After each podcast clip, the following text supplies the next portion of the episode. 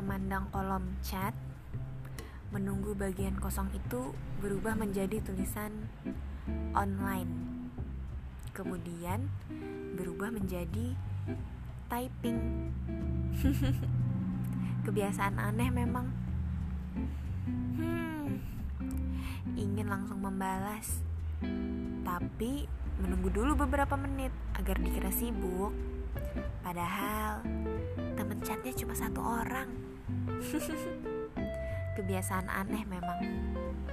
Firsa Besari 2019